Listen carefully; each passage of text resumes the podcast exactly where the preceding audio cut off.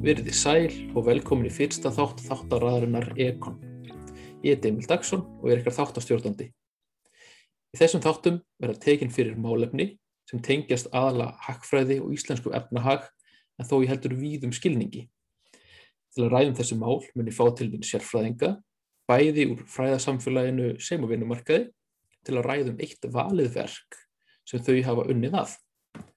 Umræðar mun byrja vítt, þar sem bæði viðmælandi og málefni þáttarins er kynnt. Síðan munum við ræðum verk viðmælandans. Slík verk geta til dæmis verið fræðigrein, skýrsla eða þó einhvers konar samantækt sem viðmælandin hefur lagt til málefni þáttarins. Í þessum þætti ræði við hann Arnald Sölva Kristjánsson en hann hefur fengist mikið við tekjuskiptingu í sínum rannsóknum. Hefur þá engum verið að skoða hlutverk skattkerfisins þegar kemur að tekjuskiptingu. Hann Arnaldur útskrifaðist með doktorskráði í Hagfræði árið 2017 frá Osloor Háskóla í Nóri.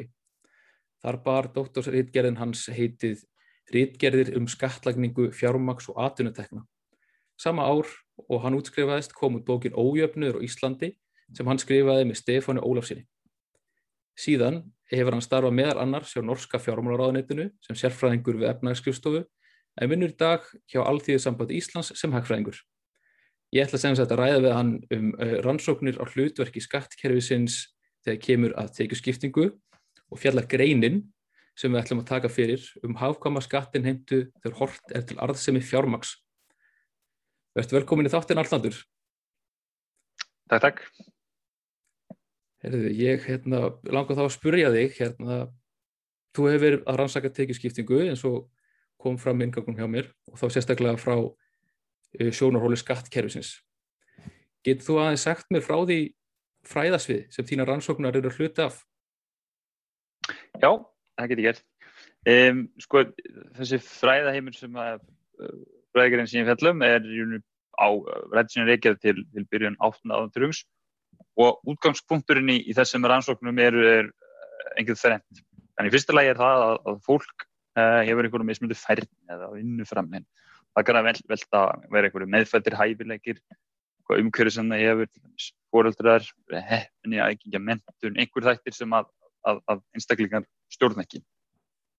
Í öðru lagi er það ríki þarf að afla ákvæmlega tekna en á sama tíma vill að, vill að jafna tekjuskiptinguna. Svo í þriðilegi er það sem að innan þessa fræðigerðina kallast upplýsingavandi. Það er að segja að, tekjur bæði á framleginu og vinnuframbóðinu. Og með vinnuframbóð er svona í, í víðari skilnings, bæði vinnustundir og líka uh, hversu mikið fólk leggur sér fram. Og uh, skattlagning getur það haft áhrif á hvernig, hvernig fólk eiga sér og eftir því sem þú endur drefur meiri, þeim er meiri uh, áhrif, neikvæð áhrif hefur, hefur skattar á vinnuframbóð. Þannig vandi ríkisins eru einu tvent, ef, ef ríki vil gera þetta, það vil endur drefa gæðum og það vil hafa minnst áhrif á, á, á hegðu.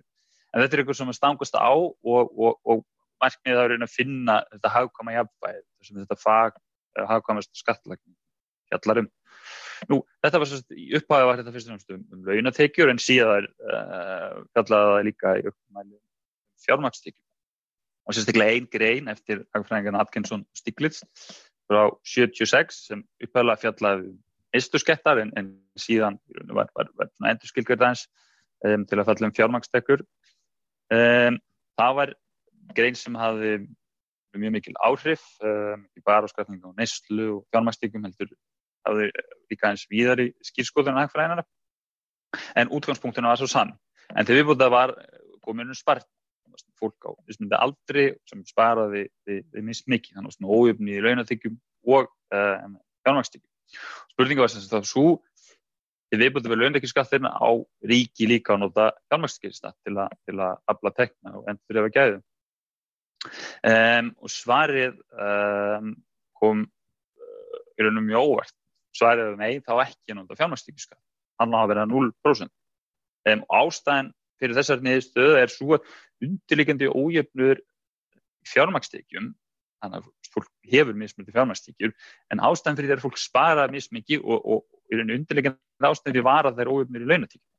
Þannig að fólk með herri launatekjur sparaði meira, það er bara því að það er herri launatekjum. Þannig að rót vandans var, var ójöfnur í launatekjum og það er hagkvæmast að því að það bara endur til að beinast beint gegnum beinatækjuskattin og ekki nota líka fjármækstækjuskattin.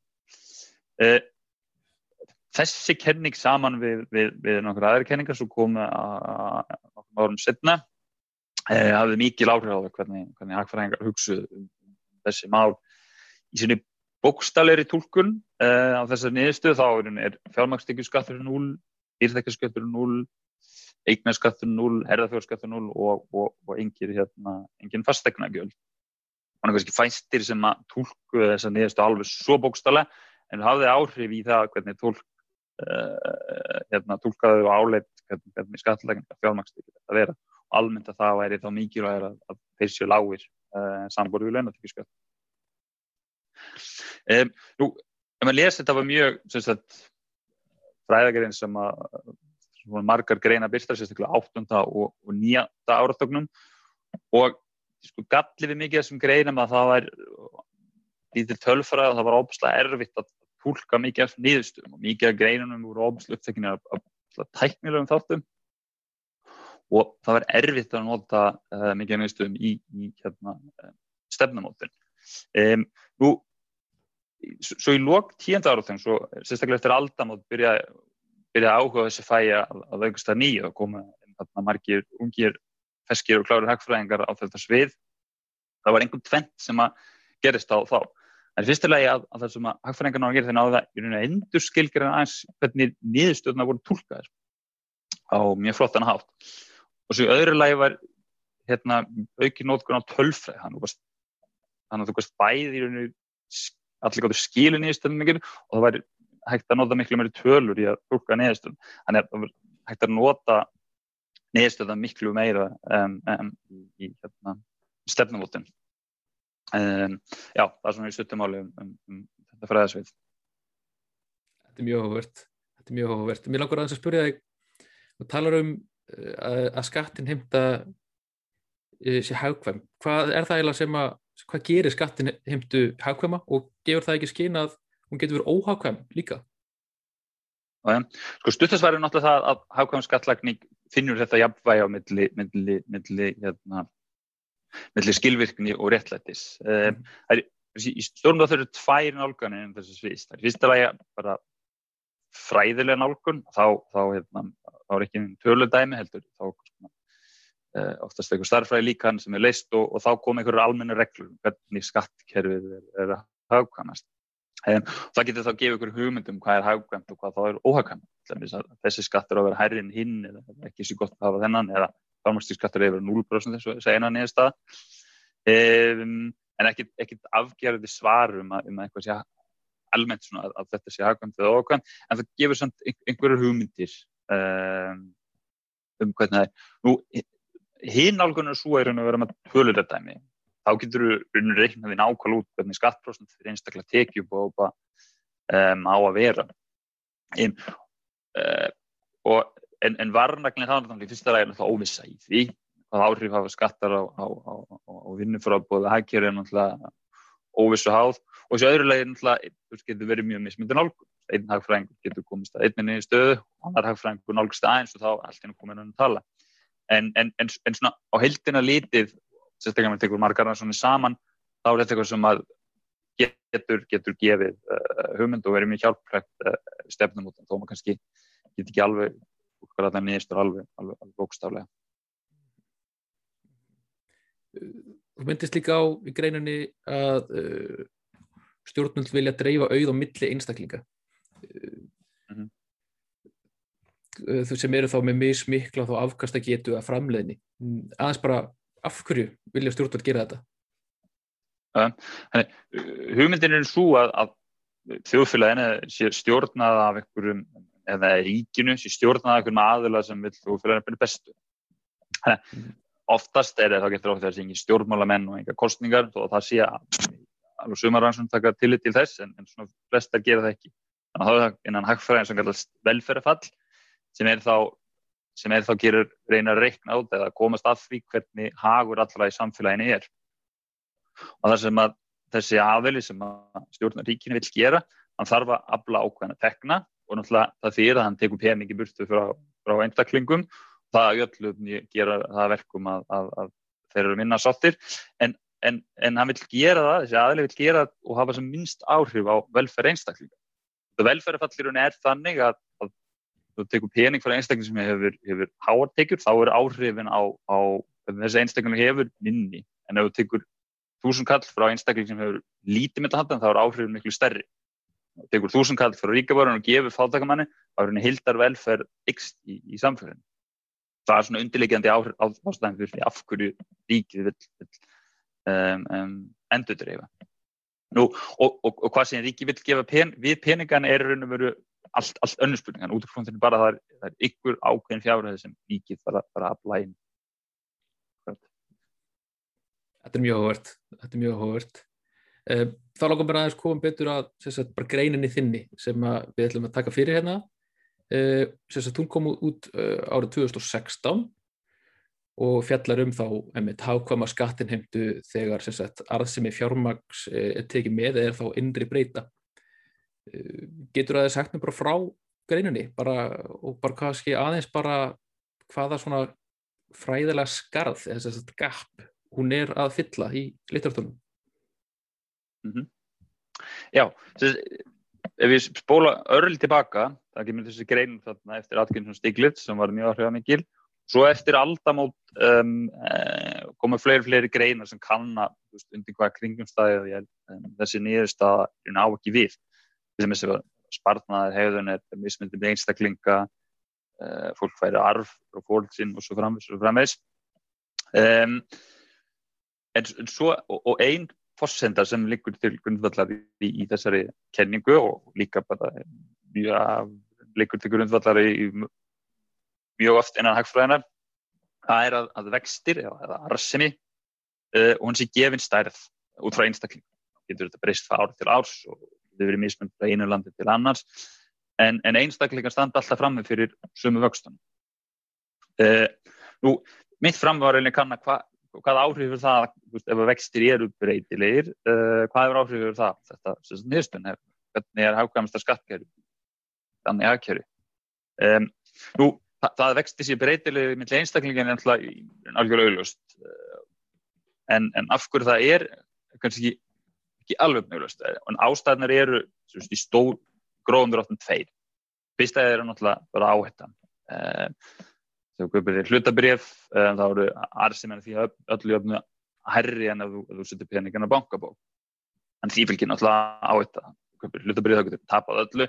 Peningur á bankabók er almennt um, um, um, mjög örugt uh, nú, en viðbútið það getur þetta fjárfestingar verið mjög skóðar óhæð áhættu. Nú af hverju það? Er það kannski, uh, kannski trend sem að gæti útskilt það, minnstu kosti fyrstulega einhvers konar metnastig í fjárfæstinginni setur með goða dreifingu millir markaða og tegundar fjárfæstingar en, en, en fjárfæstinga um, endurfagnurinnu láninni vel og svo framvegs um, öðrulegi aðgengi á upplýsingum og ekki aðgengi heldur líka mögulegi og kunnáttar til að vinna úr þessum upplýsingum og getur verið mismöndið einstaklingum. Hvað eru góður fjárfæstinga möguleg framtíðan uh, vendarlega einhver uppsingan úti um, um hvað er það líka? Í þriðiræði getur það að vera einhver starðarfrækvæmni. Uh, það að kaupa í einhver ákveðna sjóðir þar sem verður að, að leggja einhver ákveð lámark til að komast inn í það. Um, nú, og, og þessu, það er, það er tilmarga rannsókn á þessu svið og sérstaklega núna líla er uh, um, fleiri góða rannsóknir sem sína það að já, partur af, af þessu er klála átt. Það er, það er uh, engin vafi um það en, en óháð áhættu. Það er rannsóknir sem þýna það það eru sumir sem fá gegnumgangandi harri vexti en aðrir. Þannig að virðist eins og það sé eitthvað aðeins meira en bara þessi reyna á þetta um, er ekki alveg ljóst nákvæmlega hvað er mikið vægist og vægi einstaklega þetta en, en, en til dæmis eru, eru held ég rannsóknir sem sína alveg ógindi að, að, að stærðarhagkamni og fjármálalæsi og þeim dúr, það skipti málum hvaða, hvaða vext einstaklega fá. Þannig það sem ég gerur þannig að í staðan fyrir að vera með það fórsta allir sé bara með sömu vextina þá, þá eru vextir breytilegir millir einstaklinga. Um, það eru engin áhætta þannig að það eru út í myndinni hjá mér en vextinni venda þá í fyrstu lagi á fjárfestingar færðin, þá er eitthvað svona einhver færðni sem er mismunandi með einstaklingar sem það gefin e, öðru lagi tími sem fólk eigðir í að fjárfesta þetta e, vandariði fjársta er þetta eigða tími að skoða og leita hvað, hvað þú getur fjárfest peningunum sem, sem fjárfestir og í þriðir lagi getur fólk reynilega bara keitt sér ágjöf e, sem hjálpar sér við að, að, að, að, að hérna, ávaksta peningin sín þannig að það er þessar þrjára ástæður sem geta leiðið þarna bak og svo kannan ég nákvæmlega hvaða áhrif hefur þetta á hákvæmasta eh, skattkjörði. Nú, í, í stuttumála er þannig að um, þessi niðurstaði aðgjörnsum styrklingskenningunum, hún stennst ekki til um, þessum kringstæðan. Þannig að fjármakstíkurskatturinn er jákvæðan en ekki, ekki, ekki 0% eins og þeirri niðurstöðum. Og ástæðin er í rauninu verið svo að ójöfnir núna er, hann er tvíþættur. Það er sem áður sérst óöfnir í launatekjum er fjármakstekjum en, en ef þú skoða til dæmis tvo einstakling sem hafa sömu launatekjum þá getur það haft mísáar fjármakstekjum þannig að þannig að það er óhagkvæmt í raun og þetta er endur drefið bara í gegnum launatekju skattkerfið þá er, stendur þetta sem aður ójöfnir innan fjármakstekjum er sem fyrir fólk með sömu launatekjum þannig að það er hagkvæmt í raun endur drefið bæði með launatekjum og um, um, fjármakstekju skatti og skilabundur er ekki svo að, að endur drefa meira heldur það miklu hafkvæmur endur drefa og nota bæði launatökju og fjármakstíkiskatturinn það er að segja á, hvernig er best endur drefa sem hafkvæmast að hátt?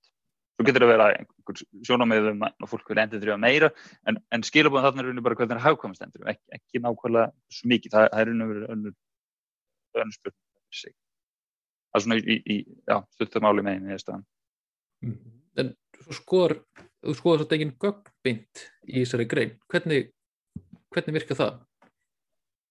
Já, það er rétt. Það er, það er, eins og ég verði inn aðeins sko, það er gróndur til tvær ástæður. Tvær, tvær ástæður, það er leiðir til að álgast um, um, uh, hafðkvæmast skattlenging það er það sem ég ekki gerði þess að þessi svona fræðurinn álgun þannig að þú með þess að þess líkan að hafðkerjunu um, uh, starffræðið líkan það sem gefur þér ákvæmum fórsöldur hvernig einstaklingar hegða sér og, og hvernig hlutir, hvernig hagkerri virkar.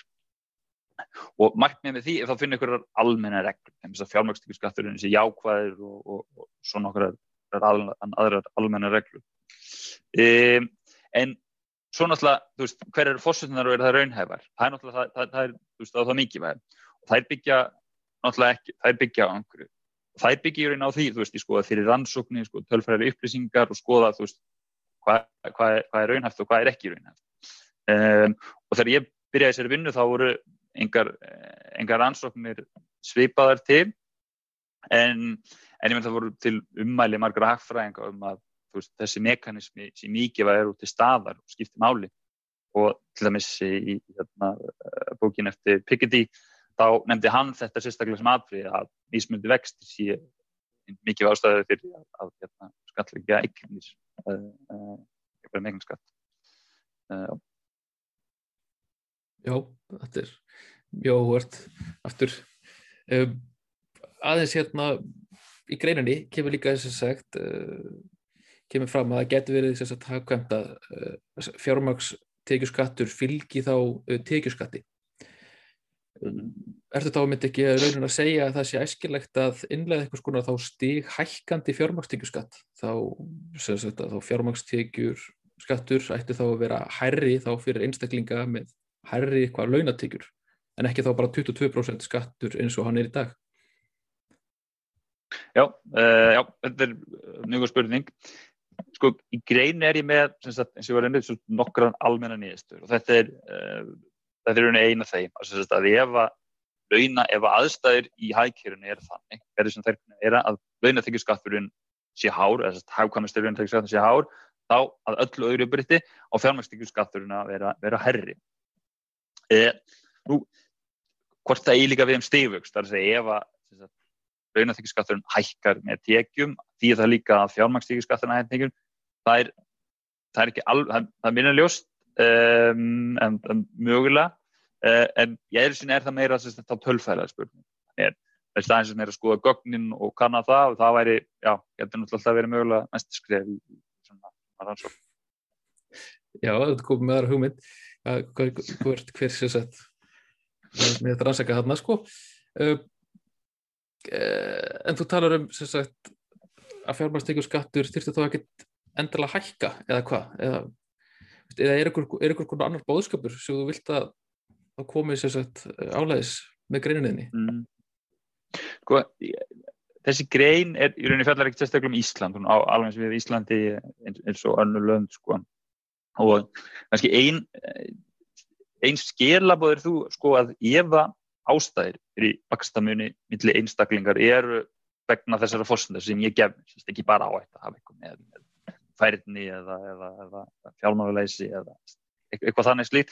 Ef það er undirleikindi ástæði fyrir vextamunni þá er um, þá er öll öðru óbyrti fjármakstíkurskatturinn mikilværi þannig að öll óbyrti að vera hærri í hafkvæmsta í sinni hafkvæmsta skattlagt eh, það er kannski svona það sé megin ef að vakstamunur er í stærra mæli vegna annar þáttu en vegna áhættu á fjármakstíkurskatturinn að vera hærri öll óbyrti um, og þetta er aðan, sko, þetta er raun og ekki spurning hvort maður er endur dreif meira það er svona önnur spurning. Um, heldur að endur dreif á hagkvæmari hátt. Það er svona kannski megin, megin skilabóð Nú langar mig að spyrja aðeins svona út fyrir þína grein á einhverju leiti eh, en nú var bara fyrir stuttu ríkistjóð bandaríkjana bæten að leggja til að sagt, að hækka fjármægstekju skatt á einstaklinga eða þá heimili sem hafa þá meira en eina miljón dólar í tekjur á áskrundvelli þetta er náttúrulega mjög ríkir einstaklingar sko, sem við verðum að tala um en þegar ég las þetta fannst mér þetta uh, rýma við þinn boðskap ekkur leiti, veistu hvort þessar hugmyndir sem hann er að kynna byggja á söpum rannsóknum og, og þú hefur verið að nýta þær í þínum rannsóknum Sko ég ég held sjálfur mögulegt og ef ég, ef ég spóla eftir aðeins tilbaka sko, að sko, fyrir aldamátt var það skoður margra hafnengar fjármagstýrskattir ætti að vera, vera sem lægstir um, og ég held að það hafi meðal annars verið drif áfram af, af, af þessum kenningum sem voru og komið frá 8. og hérna, 9. áratöknum.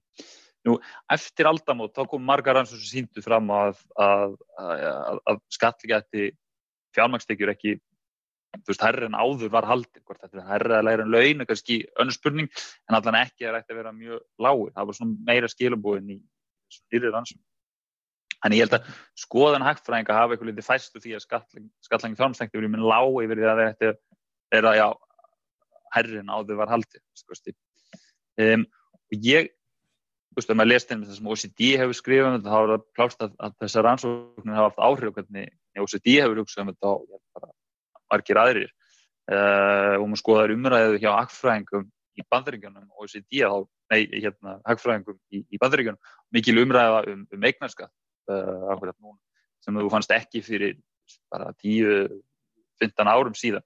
Þannig, ég held að klálega svona einhver leiti hefur, hefur skoðan hagfræðinga fæst og, og það er ekkit sjálf auksanlegt að það hafi einhver áhrif á, á, á stefnum út en stjórnmóla eins og, eins og þetta dæmi sem, sem að þú nefnir.